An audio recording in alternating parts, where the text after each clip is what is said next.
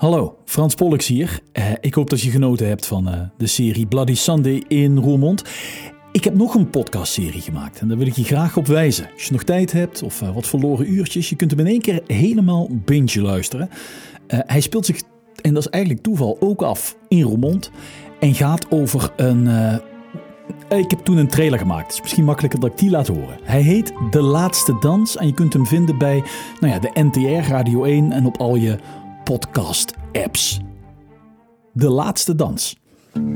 Ik ga je het verhaal vertellen van een man die luistert naar de naam Oewe. Zeven jaar geleden vertelde hij al zijn familie, vrienden en medestamgasten van een café in Roermond dat er iets verschrikkelijks stond te gebeuren. Ja, ik ben ongeneeslijk ziek, ik ga dood.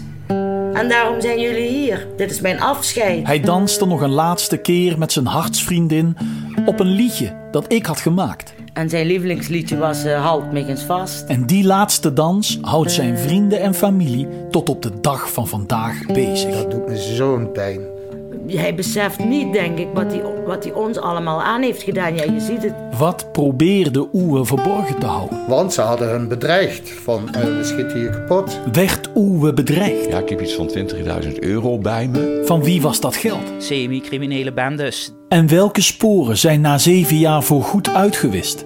Je vindt niks van Inmiddels ben ik ook gegrepen door dit bizarre verhaal. Het had mij kunnen overkomen. Het kan jou overkomen. Als je dat allemaal achterin vertelt, zit het gewoon niet, te bevatten, nog steeds niet. De Laatste Dans is een speurtocht. Een waar gebeurde podcastserie van de NTR, Radio 1 en van mij, Frans Pollux. De laatste dans, een beetje raar. een beetje licht, de zeggen.